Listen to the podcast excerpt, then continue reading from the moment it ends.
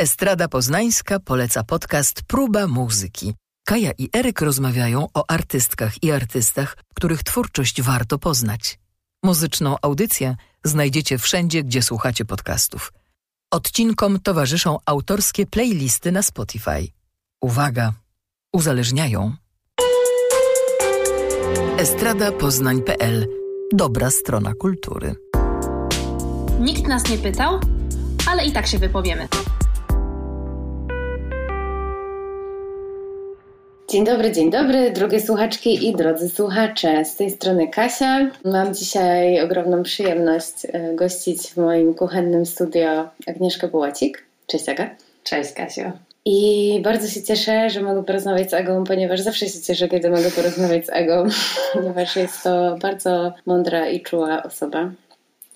I zawsze na początku przedstawiam e, pokrótce moich gości i właśnie się zorientowałam, że będzie mi trudno się przedstawić, bo zajmujesz się wieloma wspaniałymi rzeczami, ale żeby jakoś to nakreślić pokrótce i też z nastawieniem na to, o czym dzisiaj będziemy rozmawiać, to powiem, że Agnieszka zajmuje się szeroko pojętą edukacją nieformalną. Tak ja bym to powiedziała. Tak ja widzę Twoją działalność, bo czy weźmiemy dla przykładu Rave Awareness, kolektyw, w którym staracie się mm, mówić o odpowiedzialnym i bezpiecznym imprezowaniu i byciu razem, czy weźmiemy pod uwagę Twoje doświadczenie z Pachem i z programem Glen, który był chyba głównie nastawiony na edukację globalną. Tak. Czy weźmiemy pod uwagę inne Twoje projekty, warsztaty antyrasistowskie, antydyskryminacyjne i w ogóle zmierzające ku temu, żeby budować równiejszy i bardziej inkluzywny świat, to zawsze jest to jakiś rodzaj edukacji, ale takiej edukacji, który nie jest mm, klasycznie rozumiany tak jak szkoła czy, czy inny taki bardziej sztywny system. Więc tak bym powiedziała tytułem wstępu. Czy chciałabyś coś do tego dodać? Myślę, że tytułem wstępu to jest super. Bardzo, bardzo się cieszę, że mogę tutaj być. Jestem zaszczycona obecnością Twojej kuchni. I myślę, że tytułem wstępu jest to super, wystarczające. Okej, okay, no to będziemy sobie jeszcze dookreślać, czym dokładnie się zajmujesz i na jakim rodzaju edukacji mhm. Ci zależy, bo zaprosiłam Cię do udziału w naszym podcaście Głównie po to, żeby porozmawiać o Twoim chyba najnowszym projekcie, tak mi się wydaje, który robisz w kolektywie New Visions razem z Lienę Jurgelanę, którą pozdrawiamy bardzo serdecznie. Bardzo serdecznie.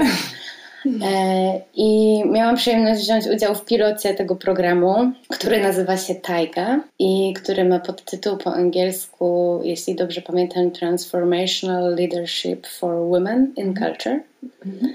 Jakbyś mogła trochę o tym opowiedzieć po polsku, o tym, e, co stoi za tym programem, jakie mu przyświecają idee, skąd się wziął w ogóle pomysł na to. Mówię po polsku, dlatego że cały program jest prowadzony po angielsku, bo jest e, z założenia programem międzynarodowym, mhm. też dedykowanym konkretnej części Europy. No ale właśnie, może ja nie będę opowiadać, tylko oddam Tobie mikrofon. Ja tak naprawdę bardzo chętnie bym posłuchała, jak Ty o tym opowiadasz. To jest, wiesz, jakby przestrzeń, którą projektujemy, ale tak naprawdę ta percepcja osób uczestniczących jest chyba najistotniejszą. To może zaczynając e, trochę o edukacji, dlaczego takiej edukacji, dlaczego takim uczeniu się, które jest uczeniem się nieformalnym i holistycznym i przez to dużo, dużo głębszym doświadczeniem uczenia się i oduczania się jednocześnie, to każda edukacja, którą się zajmujemy i chcę mówić liczbie mnogiej, bo e, mhm. zawsze pracuję w zespołach i jest to dla mhm. mnie bardzo, bardzo istotne, żeby pracować mhm. w relacjach i na relacjach i w grupach osób, które kocham i podziwiam, mam ogromne szczęście, żeby pracować z takimi osobami i w takich relacjach. To są przestrzenie, które zapraszają osoby holistycznie do tej do, do uczenia się. To znaczy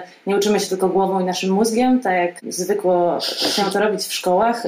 I wszelkie nastawienie na rozum. Na rozum, rozumienie, dokładnie poprawne, mhm. udzielanie odpowiedzi mhm. a, i konsumowanie wiedzy, która jest wyprodukowana przez bardzo specyficzną grupę osób i w e, określonych celach również. Więc to są przestrzenie, które zapraszają holistycznie osoby do uczenia się, oduczania się z, z pełną e, sprawczością jakby osoby, która wchodzi w tą przestrzeń. I jak myślę o holistycznym uczeniu się, myślę o uczeniu się nie tylko intelektualnym, czyli mózgiem, ale też e, emocjonalnym, czyli pracy z emocjami, autorefleksją i też e, na poziomie cielesnym, nie tylko behawioralnym na zasadzie zmiany, e, zmiany działania, reagowania czy sposobu działania, ale też obserwowania, co się dzieje w naszych ciałach. Na takim somatycznym, głębszym rozumieniu, co nasze ciała nam mówią, jak słuchamy pewnych rzeczy, jak mhm. słuchamy pewnych historii, teorii, doświadczeń innych osób. Mhm. To też jeszcze dodam, będę może właśnie wrzucać jakieś takie moje przemyślenia, bo miałam właśnie to, to doświadczenie, że mogłam się z Wami uczyć. To dodam jeszcze do tego, że właśnie włączacie ciało w, w tą praktykę uczenia się, właśnie, że nie zapominacie o, o nim, co po pandemii jest szczególnie ważne, że y, po, po takim doświadczeniu, że uczymy się gdzieś tam na Zoomie, czy spotykamy się na Zoomie, pracujemy na Zoomie, i to ciało jest takie od nas oderwane, bo jest tylko w tym okienku zoomowym, no to jednak nawet jeżeli nasze spotkania w Tajdze odbywały się też online, no to nie zapominałyście o tym ciele i zawsze było dla niego miejsce. Dbałyście o nasze potrzeby, o to, żeby się napić szklanki wody, czy żeby zrobić przerwę na siku, to wiadomo, ale że też o to, że, że, że właśnie to ciało jest, więc było zawsze 15 minut przyjemności dla ciała, czyli relaks, taniec, jakieś wspólne ćwiczenia oddechowe czy delikatne ruchowe, żeby to ciało też włączyć i żeby ta wiedza się lepiej przyswajała i to było coś naprawdę super. Tak, ale też to, że jakby oduczanie się systemów opresji i przemocy też jest na poziomie cielesnym. To znaczy, w mhm. naszych ciałach, patriarchat też żyje w naszych ciałach, biała mhm. supremacja też żyje w naszych mhm. ciałach.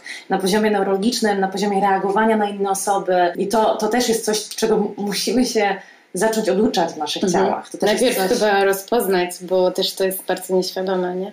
Totalnie. W których mhm. momentach nasze ciało się napina, spina, mhm. w których jest rozluźnione, dlaczego, mhm. co nam chce powiedzieć przez to. To jest też ten cały Neurodegenerative Somatics, czy Cultural Somatics, który mhm. teraz w edukacji politycznej, w ogóle w antyrasizmie jest bardzo e, mocno obecne i mnie osobiście bardzo fascynuje. Mhm. Ale wracamy do tajgi. Tak, nie? tak. Wracamy bo, do tajgi. Bo już, już się rozpędzamy, a rozpędzamy się w drugą stronę. Słuchacze i słuchaczki mogą nie wiedzieć, czym jest ta tajga. Tak, więc tajga to z podtytułem jest Transformational Leadership Program for Women Working in Arts and Culture in Eastern Europe, czyli e, chcemy pracować z osobami z doświadczeniem życia jako kobiety z Europy Wschodniej, post... postsowieckich krajów.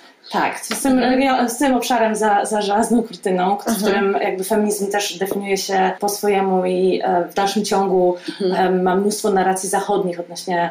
E, referencji i punktów odniesienia i ta samodefinicja i szukanie feminizmu, który w naszym obszarze może funkcjonować zdrowo i dobrze też jest super istotne i budowanie relacji w regionie, wiedząc, że zmagamy się z pewnymi problemami wspólnie. Mhm. Czy chodziłoby o to, że właśnie te punkty odniesienia, czyli właśnie jakaś literatura, która powstała po drugiej stronie żelaznej kurtyny, czy w Stanach, to jest jednak teoria, która nie do końca się aplikuje w naszej części Europy?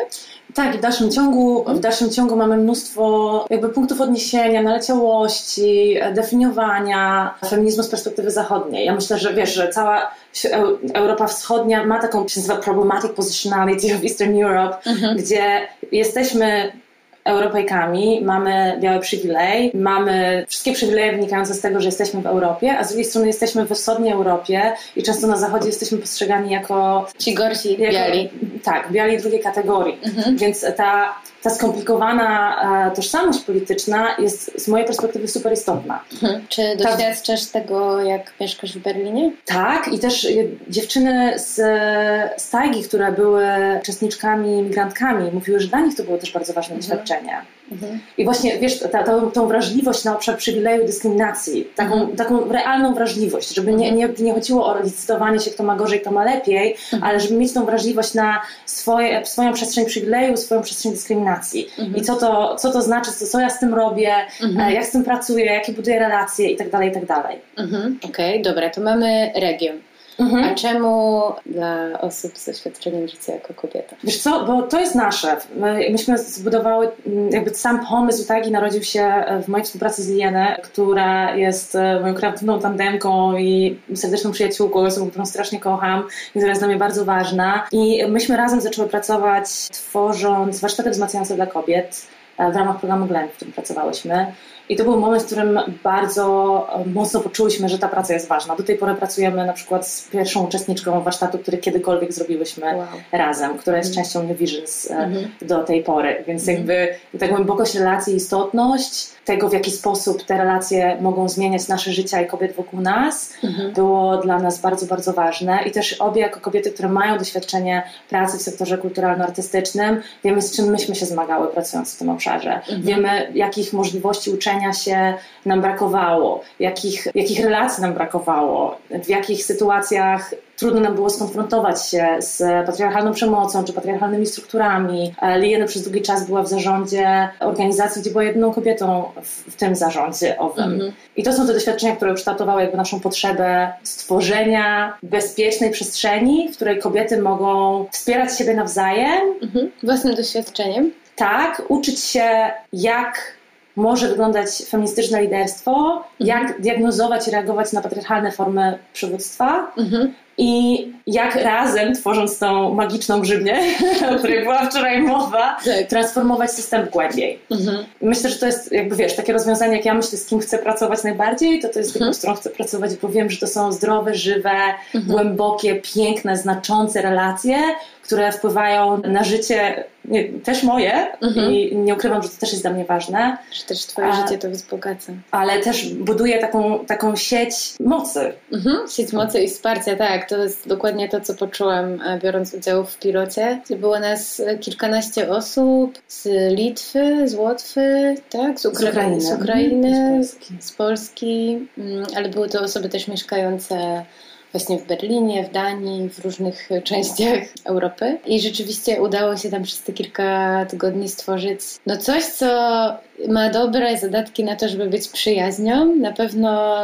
stworzyła się między nami więź dzięki temu, że właśnie gadałyśmy o, o naszych doświadczeniach i to mi się też bardzo podobało w całym tym procesie uczenia się, że była jakby część teoretyczna, ale też było dużo, bardzo dużo takiego przeniesienia na nasze realne doświadczenia i, i nasze życie i na to, co możemy zrobić. Mm.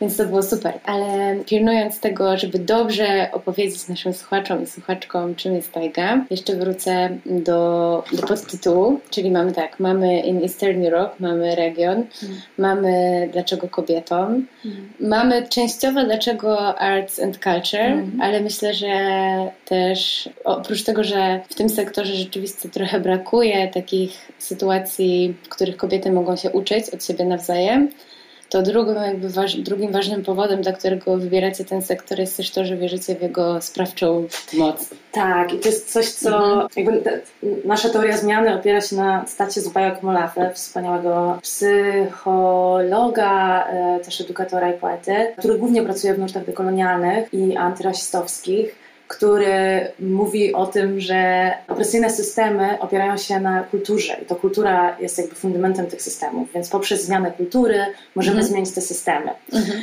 Kultura to jest wszystko to, co, czym oddychamy, wydaje nam się bardzo normalne i dlatego mhm. patriarchalne sposoby przywództwa wydają nam się normalne. Dlatego kobiety, mhm. które znajdują się na tych stanowiskach, bardzo często reprodukują te modele mhm. patriarchalne liderstwa, bo wydaje mi się, że tylko w ten sposób mogą, mogą tam funkcjonować. Mhm. Dokładnie, że tylko na tych zasadach mogą tam funkcjonować. Mhm. To się nazywa Queen Bee Syndrome, mhm. czyli tak. królowej Królowej pszczół? Tak.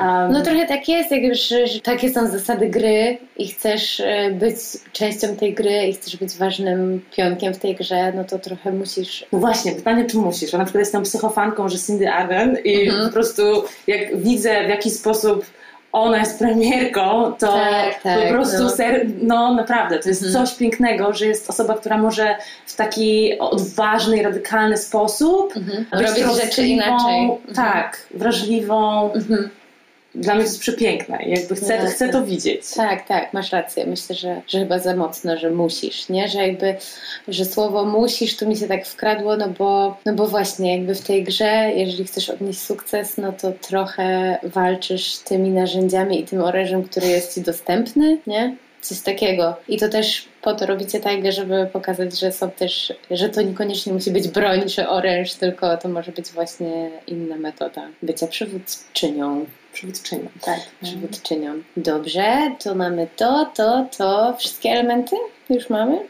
I transformational leadership najważniejsze. Mhm. Co to jest transformacyjne przywództwo? Mhm. Właśnie, leadership. Jak myślimy o liderstwie? My nie myślimy o liderstwie jako leadership jako osoba, która jest na stanowisku liderskim. Bardziej mhm. myślimy o tym jako wrażliwości na działanie i odwagę do podejmowania działań. A więc e, absolutnie nie, celujemy w osoby, które są na stanowiskach liderskich. Bardziej myślimy o, o, o liderstwie jako energii, którą osoby mają w sobie i mogą z niej korzystać i czerpać Mhm. na rzecz czy w służbie e, w społeczności, w której funkcjonują. Osoby, które dostrzegają potrzeby i działają zgodnie z, Mhm. e, ze swoją intencją, jak je rozwiązywać i Mhm. E, jak je zmieniać. Jeśli myślimy o transformacyjnym, to jest, e, to jest ciekawe, nie? bo to jest dużo słów, które są skomplikowane Mhm. i, i trudne. No dlatego rozbieramy sobie to na czynniki pierwsze. Mhm. E, więc my naj, najbardziej skupiamy się, naj, najbliżej jest nam do definicji transformacyjnego feministycznego liderstwa Peggy Antrobus, która jest wspaniałą kobietą. Wszystkie, ekonomiczką. wszystkie osoby, które Aga cytuje, podlinkujemy. Są, wszystkie są wspaniałe. Sara Ahmed napisała w Living a Feminist Life, że życie feministycznym życiem jest życiem we wspaniałym towarzystwie i podpisuje się pod tym obiema rękami. tak jest. I tym towarzystwem są też książki i Mhm. postaci, od których się uczymy i których słuchamy i Mhm. Których wiedza jakby dla mnie osobiście jest, e, wiesz, życiodajna, nie? Mhm. Jakby czy, czy, czytanie i słuchanie tego i konsumowanie tej wiedzy jest życiodajne. Widzę twarz Agnieszki, która teraz po prostu promienieje i rozszerzyła się w ogromnego banana w jej uśmiech, więc naprawdę to działa. Tak. Kogo zacytowałaś? Peggy Antrobus, aż chcę Mhm. sięgnąć po...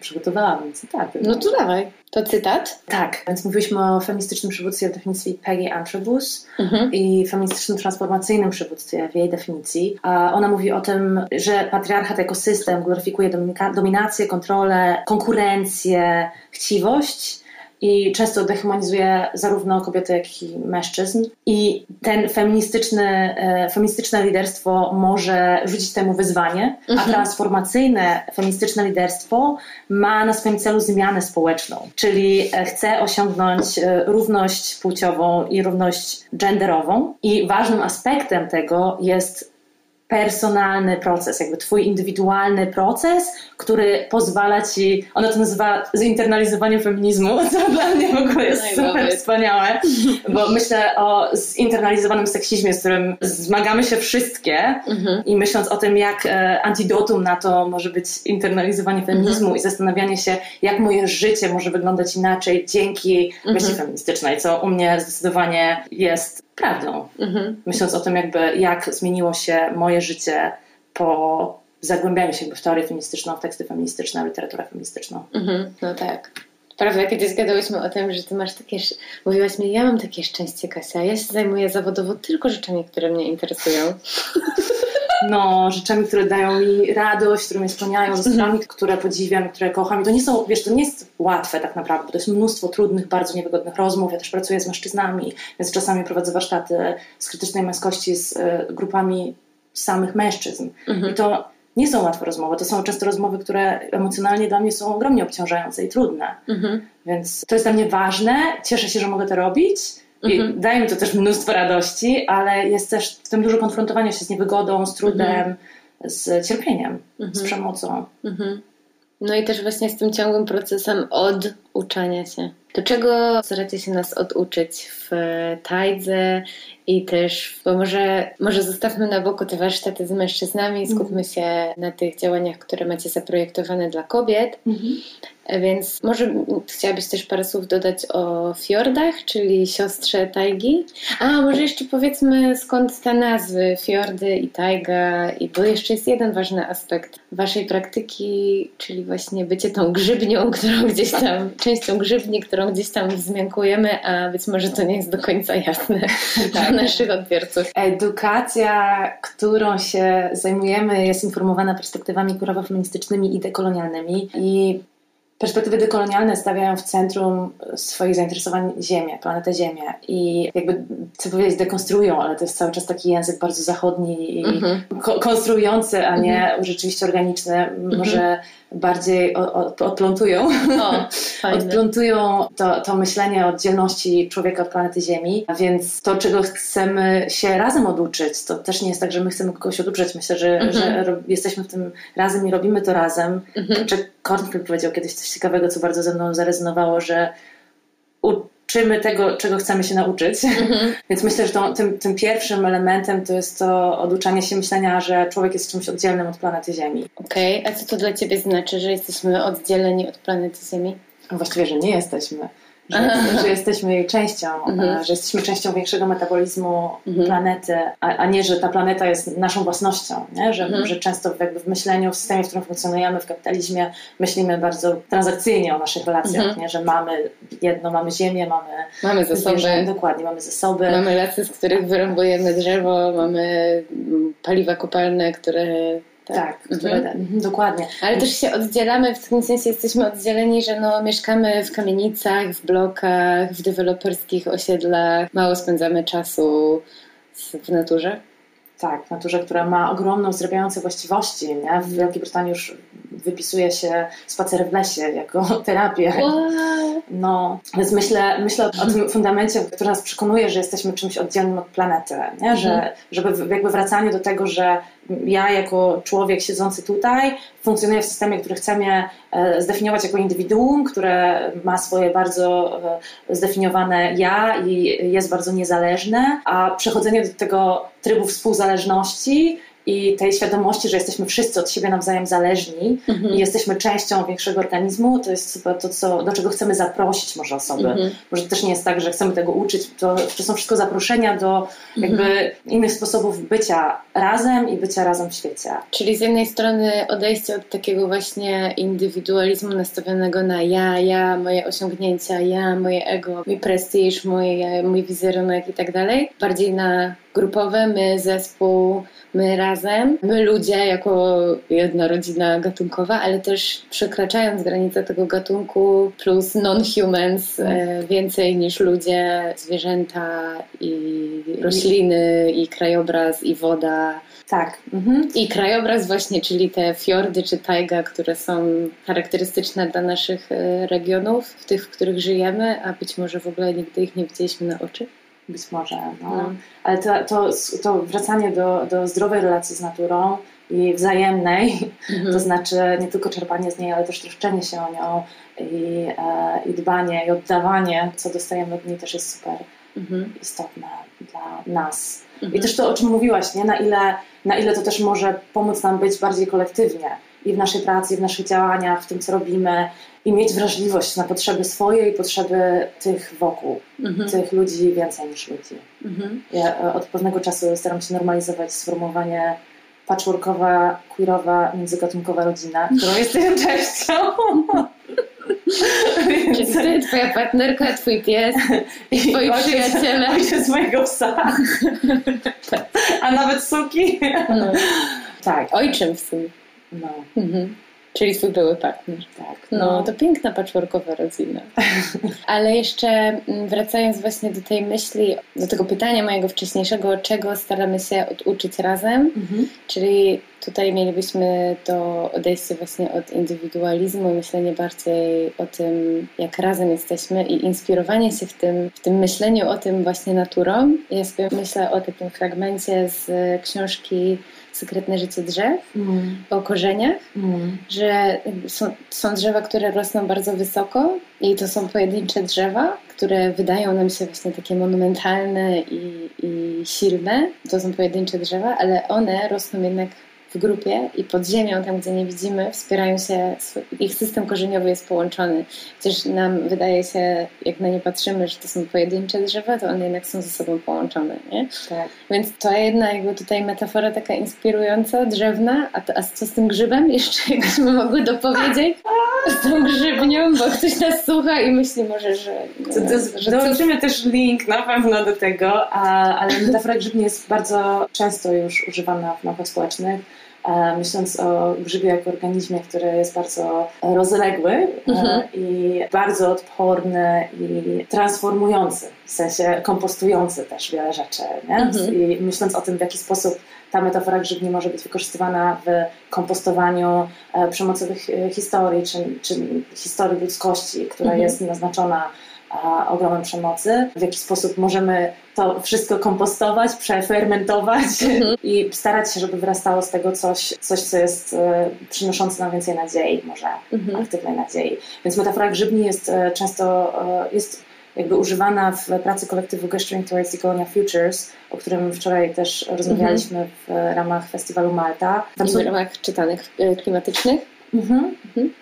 I metafora grzybni jest metaforą nowych horyzontów nadziei, która może pomóc nam pomyśleć inaczej, inaczej o naszych relacjach, e, relacjach z wiedzą, to znaczy, którą wiedzę traktujemy jako wiedzę, z czego się uczymy, e, mhm. relacjami e, na poziomie emocjonalnym Mhm. Z kim wchodzimy w relacje, w jaki sposób, dlaczego i jak z tego, z tych sprawiedliwych relacji, w których funkcjonujemy, możemy iść w stronę sprawiedliwości ekologicznej, ekonomicznej. Jak z tych relacji zdrowych może wyrastać ten grzyb sprawiedliwości ekologicznej i ekonomicznej. Prawdziwek.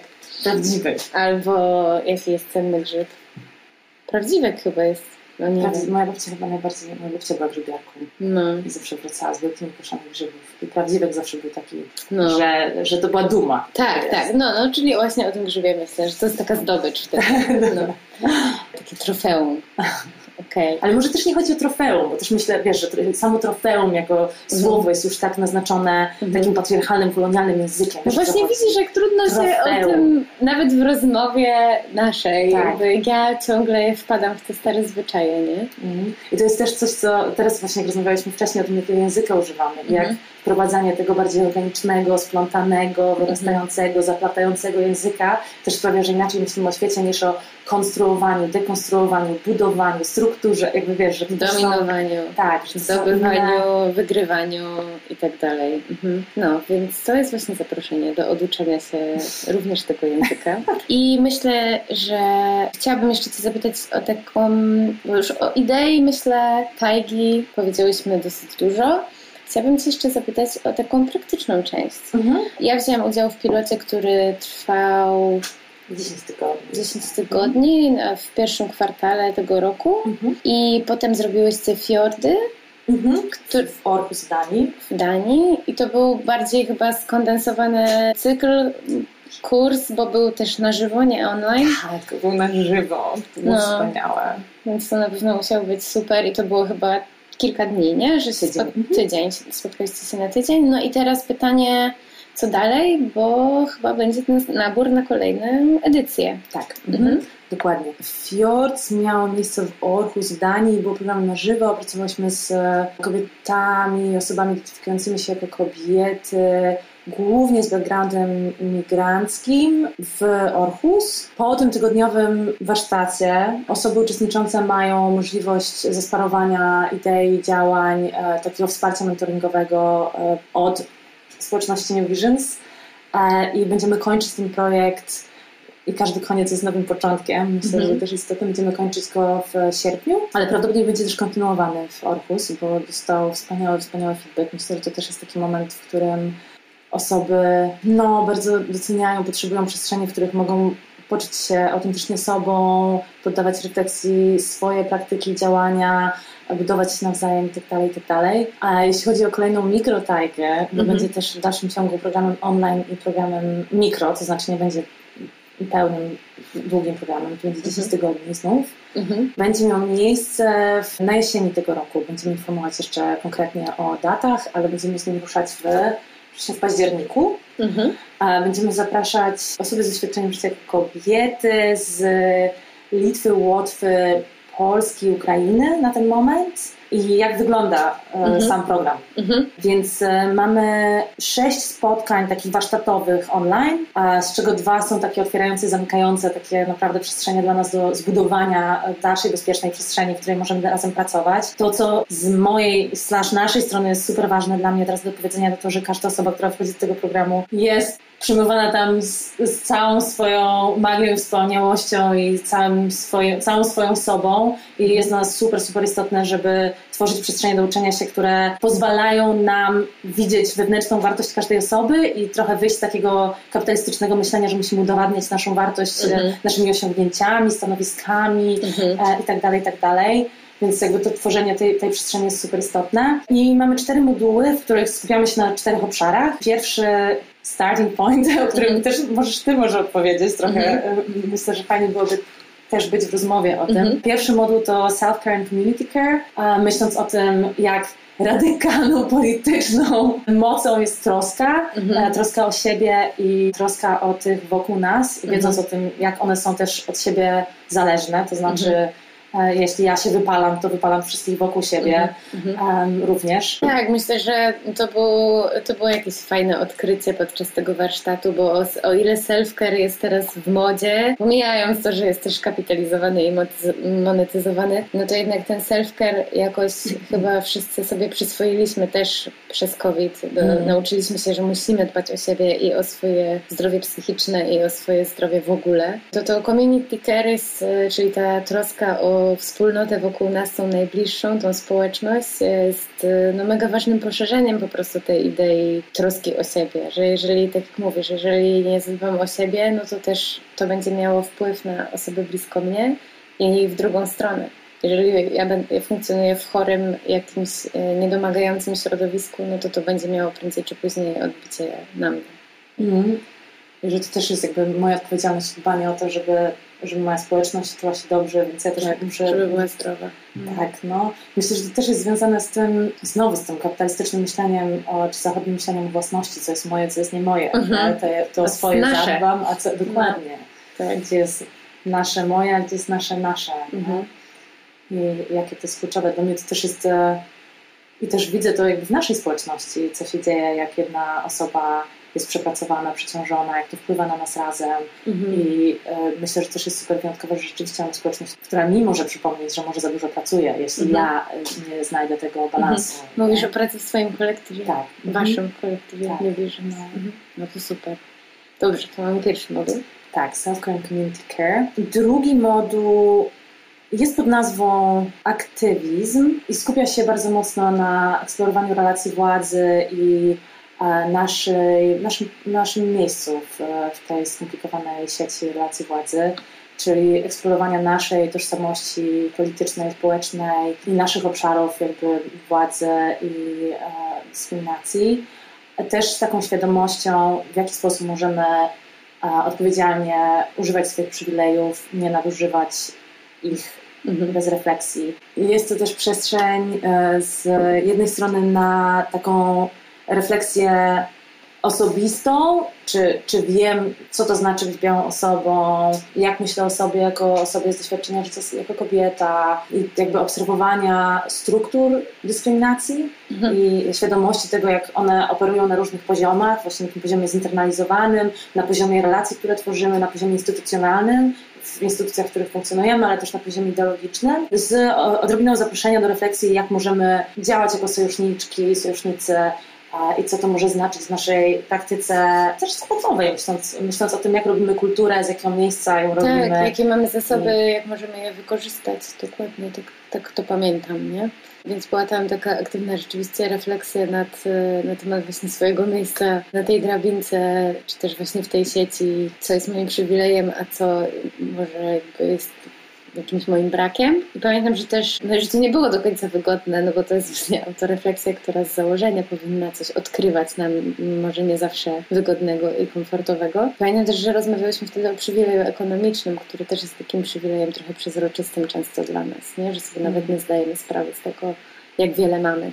Tak, też jakby myśląc z, z, z mojej perspektywy jako osoby, która też zajmuje się edukacją rasistowską, też są wątki, które są bardzo istotne dla mnie do wprowadzenia w regionie Europy Wschodniej i, e, i poruszania ich też przede wszystkim w kręgach, które zajmują się kulturą. Mhm. Um, I te rozmowy o białości to są niewygodne rozmowy mhm. dla wszystkich. Mhm. Bez znaczenia. Rozmowy o rasizmie są niewygodnymi rozmowami. Mhm. I mają takie być. Jeśli one, jeśli one są wygodne, to coś jest nie tak. To się niczego nie uczymy, nie? Więc e, myślę, że to też jest taka, taka, takie świadome zaproszenie osób do niewygodnej przestrzeni, tej mhm. zgody na tą niewygodę i obserwowania tej niewygody. Mhm. I no i potem wychodzi z tego pozytywne i aktywne jakby mhm. też zaangażowanie, czyli co możemy zrobić, żeby tworząc czy projektując wydarzenia kulturalne, e, czyli to praca, którą wykonujemy, zasoby, które mamy, przekuć w to, żeby te to, co robimy dla społeczności było jak najbardziej szerokie, dostępne, włączające. Mhm. Dokładnie, jak te relacje władzy i struktury opresji ze sobą współpracują. Mhm. To, kto jest ekonomicznie uprzywilejowany, jakie to osoby mają kolor skóry, płeć, mhm. dlaczego. I kolejny moduł? Kolejny moduł, który wcześniej nazywał się Social Entrepreneurship, teraz nazywa się Human and Planet Centered Entrepreneurship. I to jest, tak jak mówiłaś, o ekonomicznym, ekonomicznym przywileju i rozumieniu kapitalizmu. Myślę, że e, ja jako osoba z, e, wyrastająca w postkomunistycznej Polsce mam wrażenie, że cały czas nie ogarniam kapitalizmu, że nie rozumiem go, mhm. E, że... On się wynaturzył też, trudno go do końca zrozumieć. Że to jest, wiesz, przestrzeń, w której jesteśmy, traktujemy jako normę, a tak naprawdę jest dużo innych sposobów funkcjonowania mhm. e, też e, w ekonomicznych. Więc ten moduł jest bardziej zaproszeniem do myślenia inaczej o ekonomicznym organizowaniu naszej pracy, o mhm. tym, co to znaczy. Więc jest bardziej takim zaproszeniem do refleksji nad wzrostem, nad społecznościami takimi jak Buen Vivir, czy Via Campesina, czyli osobami, które, osobami, nie osobami, ruchami czy filozofiami, które E, pozwalają nam organizować się inaczej mhm. E, niż... E, bardziej oddolnie, bardziej tak spółdzielniczo powiedziałabym? Tak, nie, nie, maksyma, nie skupiając się na maksymalizacji profitów, czy stawiając maksymalizacji zysków, czy stawiając zyski ponad ludzi. Mhm. To też jest, to jest ważne w, w, projektowaniu wydarzeń kulturalnych, nie? że nie wszystko, przynajmniej w moim rozumieniu kultury, nie wszystko powinno się przeliczać na ilość sprzedanych biletów albo y, liczbę odbiorców, że czasem te wydarzenia, które mają mniejszą liczbę odbiorców są nawet bardziej wartościowe niż koncert, na który przyjdzie 10 tysięcy osób. Dokładnie, to też jest coś, co wiesz, jakby mamy te wskaźniki, które muszą być w, w liczbach i tak dalej, a jakby głębokie procesy nie będą w wielkich liczbach. Jakby. To mhm. nie jest. E, to będzie w jakościach. To też nie jest. Mhm. I to co, jest naj, naj, co to, to, co jest najważniejsze, tak naprawdę wydaje mi się, że najtrudniej zmierzyć. Mhm. Tak, cyferkami, no. co do czego jesteśmy trochę zmuszane często. Tak, więc to jest taki moduł, w którym razem myślimy o tym, jak obalić kapitalizm i myślę, że to jest, e, to jest wspólna praca, ale myśląc o, tak, myśląc o sposobach organizowania się, które nie są kapitalistyczne i funkcjonują, są obecne, bądź próbują funkcjonować dalej. Mhm. Okej, okay, super. Też, y, to są też takie metody, może niekoniecznie właśnie, może tak, nie tylko obalające system, ale też pokazujące, jak w jego ramach czy na jego obrzeżach można go troszeczkę demontować. Tak, i to też jest właśnie bardziej zaproszenie do, do tego, do poznania innych form. Jakby to są te i Via Campesina, i Bonvivir, i Ubuntu to są ruchy z globalnego południa, które są pełne mądrości i od których możemy się mnóstwo uczyć i które mogą nam też, też otworzyć oczy na, na inne sposoby działania razem. Mhm. I czwarty moduł? I czwarty moduł e, nazywa się Leadership i jest o liderstwie i przywództwie, w którym Dokładnie prezentujemy m.in. pracę Peggy Atrobus o feministycznym transformacyjnym mm liderstwie, ale też pokazujemy jeszcze raz, nie? To, jest, to wszystko to jest zaproszenie do mm -hmm. różnych sposobów myślenia, bycia w świecie i osoby uczestniczące same zdecydują, co z nimi rezonuje, co nie, z czym się mm -hmm. zgadzają, z czym nie. Nie mhm. ma żadnego wyniku, który musi zostać osiągnięty. Nie? Mhm. To jest raczej proces zmiany, do którego zapraszamy osoby. Więc moduł leadership trochę mm, zbiera rzeczy, które działy się wcześniej, i pozwala osobom uczestniczącym poddać aktywnej, krytycznej, krytycznej, głębokiej refleksji swoje praktyki. Swoje praktyki zastanowić się, e, w którą, jak, jak ja chcę funkcjonować jako lider, liderka, albo osoba, która może wprowadzać zmiany w swojej społeczności, czego do tego potrzebuję, jak mogę wspierać inne osoby w tym. I też to, co mi się osobiście bardzo podobało i, i wzruszyło mnie też na maksa, to manifesty, które mm-hmm. osoby uczestniczące napisały i nie skłamię, że miałam łzy w oczach słuchając tego. No, wszystkie się tam prawie poryczyłyśmy. Tak. To było rzeczywiście coś super. Y, to znowu było zaproszenie do takiej aktywnej refleksji nad sobą samą i tak jak mówisz, miałyśmy możliwość wybrania z tego, czego się nauczyliśmy wspólnie, nie tylko z wiedzy, którą dostałyśmy od Was, ale też wiedzy, z którą się podzieliliśmy ze sobą nawzajem, no, napisać sobie taki krótki, krótki manifest, który ma nam przypominać, jak ja chcę pracować, jak ja chcę, jaki chcę mieć wpływ właśnie na swoją najbliższą społeczność, na to, na co mam wpływ realny. I to było rzeczywiście super wzruszające. No, tak bo, no bo tam było wszystko prawie o właśnie o trosce i miłości. Tak, właśnie też myślę o tym, jak e, mieć świadomość tego, że wiesz, nie, nie zmiękczać za bardzo troski miłości, tylko myśleć o trosce i miłości jako radykalnych praktykach. Wiesz, no, że... jest ogromna siła. Dokładnie. Czytałyście Harry'ego Pottera? Hello, Voldemort nie może dotknąć Harry'ego, bo go kochali rodzice. Dobra, to już teraz prawie sobie bekę, ale miłość naprawdę i troska mają ogromną, ogromną siłę, którą możemy wykorzystać do zmiany i to nie jest tylko takie terefere. To nie jest tylko takie terefere, to jest, to jest, to jest prawda. Mocno. Chcieliśmy jeszcze powiedzieć o miłości, od, mm. odnieść i polecić gorąco Bell Hooks. Tak, nie wierzę. No. no. Więc może jeszcze na koniec parę słów o tym, jakbyś mogła. Tak, w ogóle tak sobie myślałam o tym, że już jednak trochę przychodziłam tutaj myśląc, że będziemy rozmawiać tylko o Bell. No. I, i um, Super by było. Może, może jeszcze kiedyś. Ale to jest właśnie teoretyczka, która jak się ją poczyta, to, to się widzi, że, że miłość ma dla niej ogromne znaczenie. Nie? Myślę, że dla mnie Hooks też chyba była pierwszą osobą, którą czytając miałam bardzo piękne, silne odczucie, że to jest osoba, która łączy narracje polityczne i narracje sprawiedliwości społecznej z narracjami duchowymi, bardziej właśnie skupionymi na naszym byciu razem na mhm. Ziemia.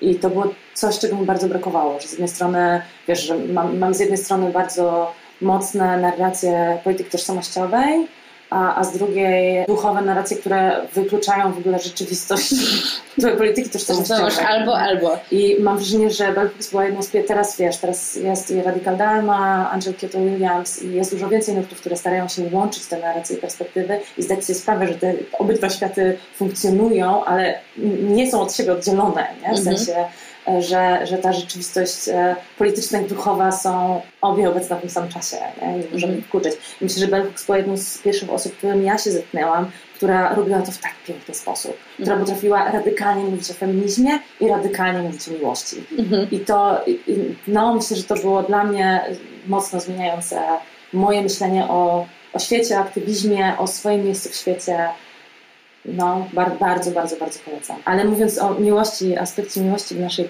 pracy, jak czytałyśmy z Lienej i myślałyśmy o tym, jak chcemy dalej razem pracować i na czym chcemy opierać naszą pracę, ten element miłości był bardzo, bardzo obecny.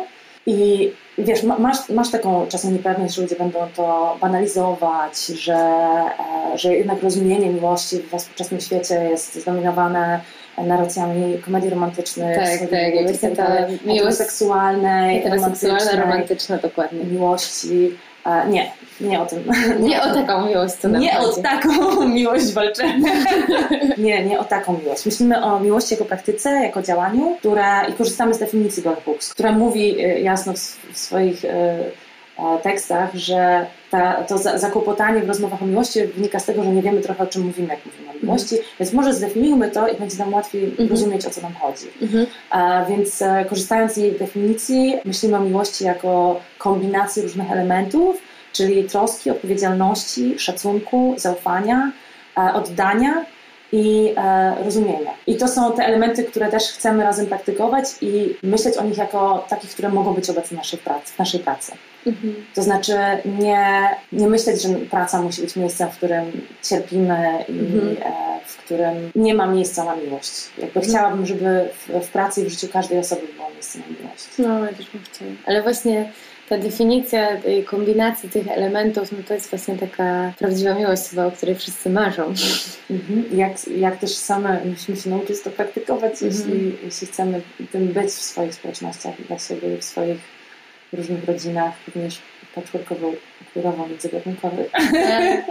I to ja jeszcze tylko powiem na koniec, że jedną z rzeczy wielu, które, takich refleksji czy inspiracji, które wyniosłam też z Tajgi, to było to, że jak kogoś kochasz, to starasz się dać mu, jak to ujęłyście, the most generous explanation, mm. czyli jak kogoś kochasz, to starasz się tą osobę właśnie zrozumieć i nawet jeżeli ta osoba w jakiś sposób cię w danym momencie rani, to starasz się zrozumieć, co nią kieruje, ale też jak kogoś naprawdę kochasz, i to jest miłość wzajemna, no to nie bójcie się wziąć odpowiedzialność za te sytuacje trudne. Mm. Więc e, no, to, to by było ekstra, jakbyśmy tak żyli. Więc starajmy się. Czy jeszcze chciałabyś, Agnieszka, powiedzieć, jak można do Was dotrzeć? My no, oczywiście też podlinkujemy stronę Waszą, wasze, Waszego kolektywu New Visions żeby można było się z Tobą skontaktować, z Lienę i z Waszym zespołem. Ale czy chciałabyś, nie wiem, powiedzieć, jak się zgłosić do Tajgi, czy... Mhm. Bardzo chętnie.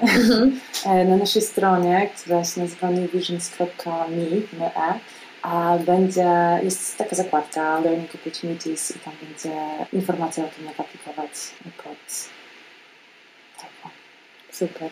A ja bym chciała Ciebie chyba trochę też zapytać o Tajgę. Czy jest, jest jakaś taka jedna lekcja, którą Ty chciałabyś się podzielić? Jakby co, co wzięłaś ze sobą z tej podróży wspólnej, która wciąż trwa i mam nadzieję będzie trwać. No, no to są właśnie tak jak mówiłam przed chwilą, wiesz, wiele rzeczy, takich, takich zauważek, takich, mm. wiesz, albo zagwostek, mm. takich zarówno na poziomie jakby osobistym, czy moich relacji jakichś e, prywatnych, przyjacielskich, ale też sytuacji zawodowych. No ale ta jedna właśnie lekcja, taka, którą staram się wynieść, to jest to, żeby mieć więcej cierpliwości do osób, z którymi żyję i właśnie starać się im dawać to bogate, szczodre wyjaśnienie i starać się je zrozumieć, bo myślę, że jak tak ja będę traktować innych, to też mogę liczyć na wzajemność. Mm. Więc e, to jest coś, co i na poziomie właśnie jakimś takim prywatnym i zawodowym staram się praktykować od kiedy to usłyszałam na naszych warsztatach. No i poraziła mnie siła tego, co naprawdę też możemy zrobić, jak, jak tworzymy jakąś wspólnotę, nie? że pojawiły się też podczas tegi takie pomysły, żeby coś razem zrobić, mm. nie? I że dzięki temu, że jesteśmy w różnych miejscach świata, ale no, w różnych miejscach Europy, może mm. powiedzmy tak, że jesteśmy w miarę blisko siebie, ale w różnych miejscach i każdy z nas dysponuje jakimś zasobem, bo albo mamy organizację samorządową, albo pracujemy w instytucji, albo coś tam, to możemy się rzeczywiście zsieciować i tworzyć taką grzybnię. Więc tak, więc to chyba bym dała jako podsumowanie. No i polecam. Cóż mogę więcej powiedzieć. To ja Ci dziękuję bardzo za, jeszcze bardziej. za to, że opowiedziałaś nam o tajdze i no i podzieliłaś się swoją wiedzą. Wszystko podlinkujemy, także jeszcze będę Cię ścigać, żebyśmy wszystkie linki wysłała. Wszystko Ci. A Wam, drodzy słuchacze i słuchaczki, dziękujemy bardzo za uwagę. Bardzo, bardzo dziękujemy. Nikt nas nie pytał, ale i tak się wypowiemy. Producentem podcastu jest Estrada Poznańska. Wszystkie odcinki znajdziesz na estrada.poznan.pl